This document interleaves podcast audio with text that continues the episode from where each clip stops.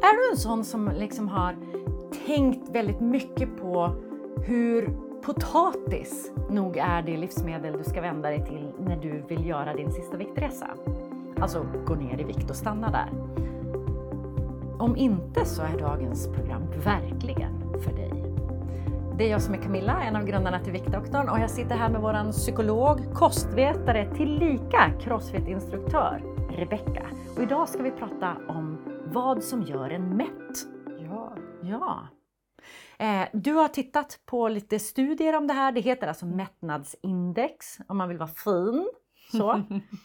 Men, men du har helt enkelt tittat på vilka livsmedel gör oss mer mätt än andra? Ja. Det, jag tänker att det kanske inte, inte är potatis man tänker på först. Jag tänkte inte på potatis. När du sa att det var potatis, jag bara, men det är ju en kolhydrat. Du bara, ja! Ja. Kolhydrater är jättemättnadsframkallande. Ja. De, är, de har gott om kostfiber. Det är ett superbra eh, livsmedel. Men jag har ändå blivit lite så här matad, no pun intended, med att protein är det som gör oss lugna och mätta och trygga. Så att vi inte överäter. Men det gör det också. Men eh, det är inte det enda. Utan eh, kolhydrater behöver inte vara farligt. Potatis är inte farligt. Det är jätte, jättebra för oss som bor här i Sverige. Vi har ju tillgång till potatis i alla dess former. Nu var det kokad potatis de hade kollat på här. Mm. All right. Men om vi börjar med då, eh, för det första. Vad är mättnadsindex? De försökte kika lite på vad, hur folk skattade mättnad och det då, eh, då följde de dem under två timmar och sen så såg de eh, arean under kurvan som det så fint heter och drog fram någon form av eh, medelvärde som de då gav ett index till de olika livsmedlen. Men om man börjar från början så de hade eh, mellan 11 till 13 deltagare, så väldigt få deltagare men de testades flera gånger. De här deltagarna fick då eh, var 38 olika livsmedel de eh, gav dem. Så efter nattfastan, efter 10 timmars fasta, så fick de inta en kontrollerad mängd av de olika livsmedlen och den mängden var 240 kalorier. Så 240 kalorier av potatis, 240 kalorier av croissant, 240 kalorier av eh, vit fisk, bönor, kött och så vidare och så vidare. Eh, och eh, efter nattfastan, efter de här 10 timmarna när de hade fastat, så fick de äta den här kontrollerade mängden, 240 kalorierna. Och eh, sen så varje kvart fick de skatta hur mätt är jag på en skala. I hur länge då? Två timmar. All right, all right. Ja. Så inte så många gånger ändå? Nej, nej, det, det är överkomligt. Sen eh, när de här två timmarna var slut, då fick de tillgång till ett buffébord med dryck och mat. Och så fick de äta ad libitum som det heter, så fritt. Alltså hur mycket som de ville? Ja, ja. Tills de blev mätt? Ja. Eller mer om de kände för det? Ja, precis. Yes? Ja.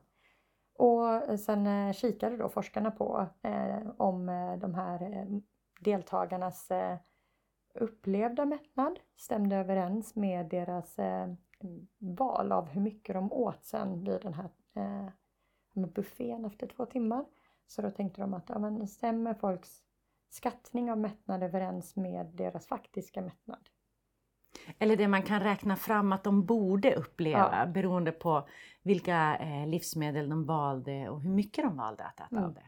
Mm. Mm. Så ehm, ja, men då vann ju potatis. Det här är så spännande! Alltså potatis, visst alltså vi har flera olika poddavsnitt om potatis på olika sätt. Resistent stärkelse till exempel. Det är väldigt effektivt Mm. för viktnedgång att koka potatis, låta den svalna och sen äta den. Därför då förändras strukturen på stärkelsen. Men vi har alltså ett helt poddavsnitt av detta. Så gå och, och titta eller lyssna på det om, om du känner att du vill få en fördjupning inom det. Men potatis för mig är ju inte det här... äh, Alltså jag vet att vi svenskar i princip överlevde eh, för flera hundra år sedan på grund av potatisen. Den är Det är för att- fantastisk. Ja men alltså det var dåligt väder och det var svälttider och det var massa elände. Jag är inte den stora historikern, hör och häpna. Men jag vet att vi överlevde på grund av potatisen. Mm. Den, den kan odlas i hela Sverige. Den kan odlas långt in på hösten. Det finns olika sorter som kommer tidigt, andra kommer senare. Den kan lagras väldigt lätt. Alltså på så sätt är den ju fantastisk. Mm. Men att den också är bra för mättnad. Jag tänker att det, det är ofta det som först ryker på folks tallrikar när man tänker nu ska jag gå ner i vikt. Eh, De här kolhydraterna som man tänker nej men de här är ju inte bra. Nej, potatis, ris och pasta. Ja, Det finns ju jättemånga dieter, ni vet det fungerar inte. Det är därför det kommer nya hela tiden. Det kommer från henne. Eh, men det är ju ofta det som folk utesluter. ja. Varför ska vi inte utesluta det förutom då att det ger hög mättnad? Men det visade sig att de här eh, deltagarna åt ju mindre när de upplevde sig mer mätta. Så livsmedel som hade ett högt eh, mättnadsindex eh, de korrelerade så de stämde bra överens med att de åt mindre vid den här eh, lunchen sen då. Och livsmedel som gav en låg mättnad de åt deltagarna mer efter. Så, mm, men vill man ha en viktresa där man går ner i vikt, då är det kanske också gynnsamt om man eh, känner att eh, man är lite i kontroll över sitt eh, matintag, man eh, känner sig mätt och belåten. Det är inte också jättekul att gå runt och vara hungrig hela tiden. Nej, och man behöver inte vara hungrig även om det inte är farligt att vara hungrig. Nej. För grejen är att man, man måste faktiskt, och jag säger måste medvetet för det Mm. betyder ju egentligen att göra något du inte vill. Men man måste minska på mängden mat Mm. om man ska gå ner i vikt. Mm. Däremot så ska man ju inte svälta sig. För då kickar in en massa andra saker i kroppen som är direkt kontraproduktivt. Precis. Men eh, det här var ju då hjälpsamt om det är en syfte för att eh, det gav en hög mättnad. Det var ju en kontrollerad mängd kalorier och sen att de åt mindre vid lunchen. Eh, Så över dagen så hade de ju ett lägre in- energiintag. Och det är det man behöver ha i längden för att gå ner och Ja. stanna där. Ja. Okej, så att eh, förutom då mättnadsindex Mm. så pratar vi också om fibrer. Precis, för det forskarna såg här det var att de sakerna som eh, korrelerar bäst, så stämde bäst överens med eh, eh, hög mättnad. Det var kostfiber, det var protein och det var eh, vatten i själva livsmedlet. De som stämde eh, sämst överens med, alltså när man åt mer efteråt, det var eh, fett i livsmedlet. Så croissanten hamnade sist på listan eh, och eh, potatisen överst då. Men det där är spännande för att fett är ju otroligt energität mat.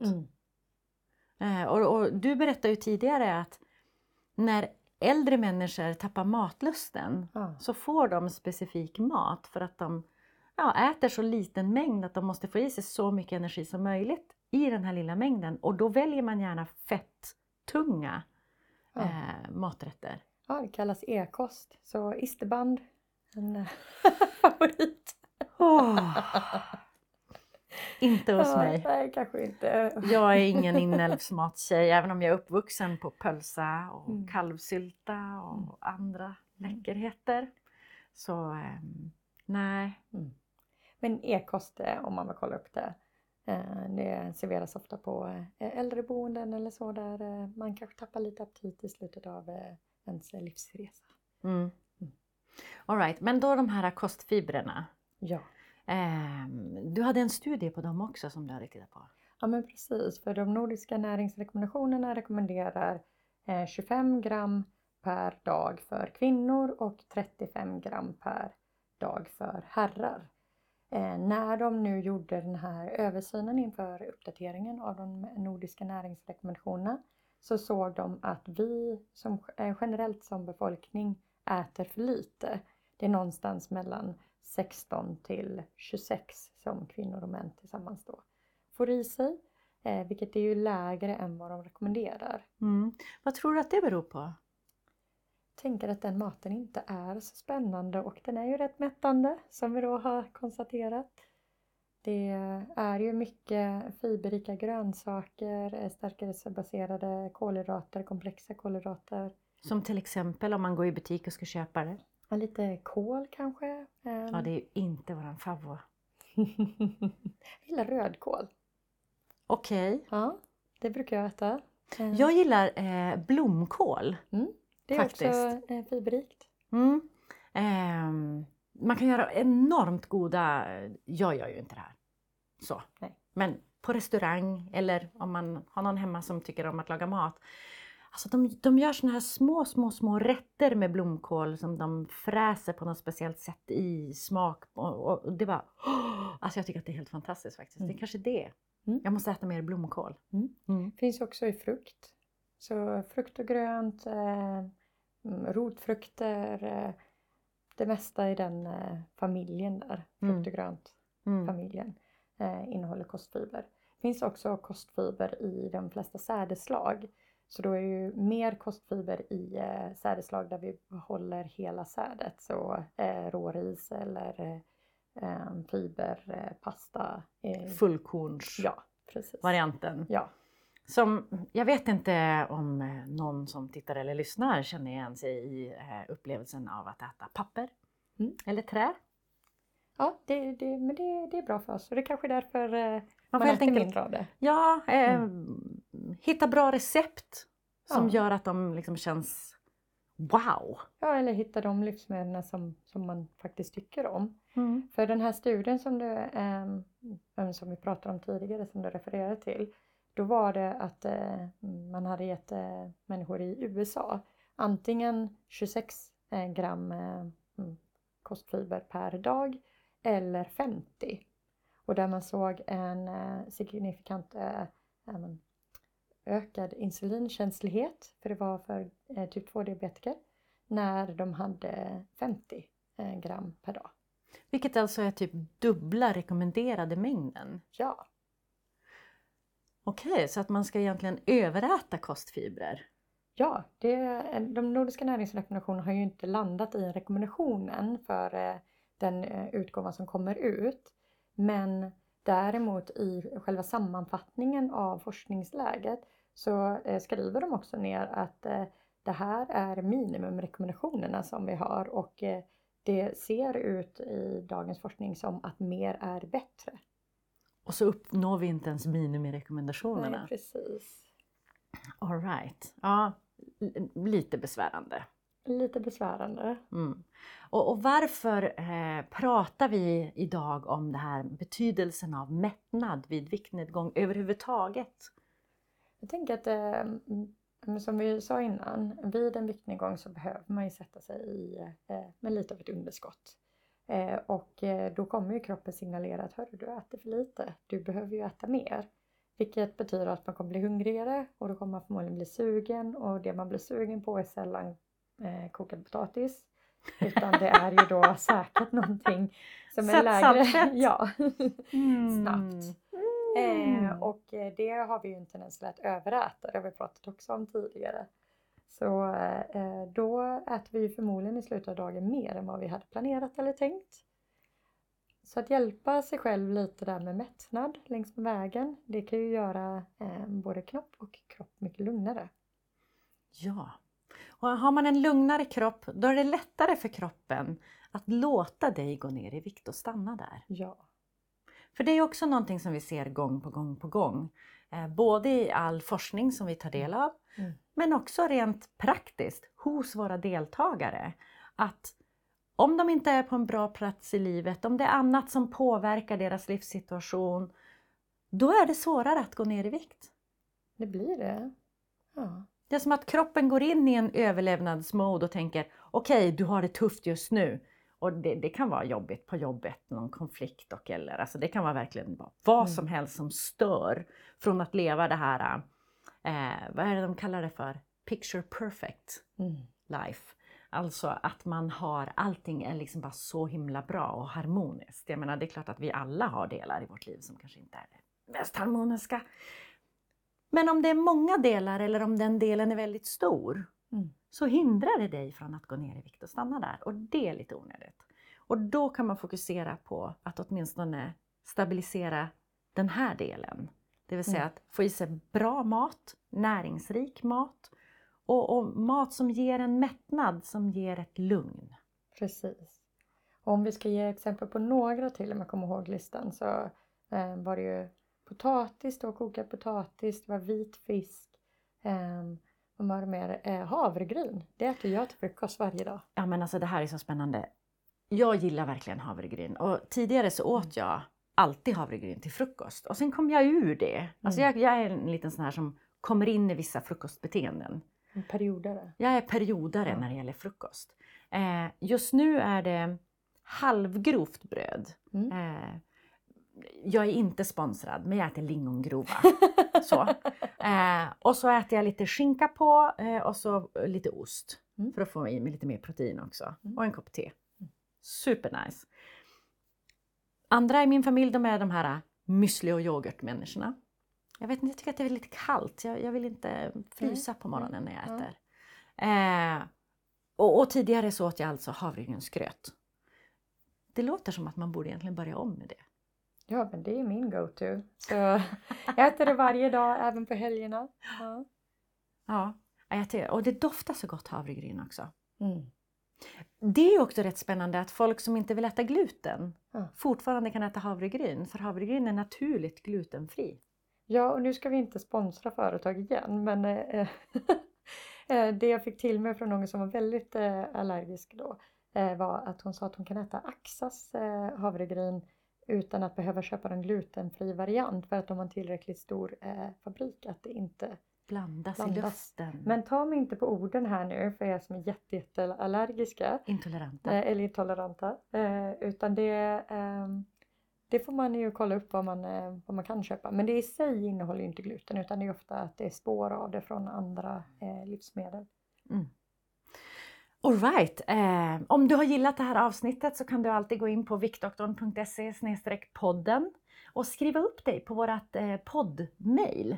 Så ser vi till att du inte missar ett enda avsnitt framöver. Eh, det vill säga, det kommer helt enkelt ett mail till din inbox varje gång vi publicerar. Eh, har du någonting sådär eh, sammanfattande som du skulle vilja eh, säga eh, innan vi avrundar? Jag tänker att eh, försöka tänka lägga till saker på sin tallrik. Så lägga till saker som är färgglatt, lägga till eh, saker som eh, innehåller de här kostfibrerna. Framförallt då om man gör sin viktresa och upplever det här suget. Så det är inte, var inte rädd för att äta. Mm, bara lägg fokus på att lägga till det som eh, ger dig mättnad.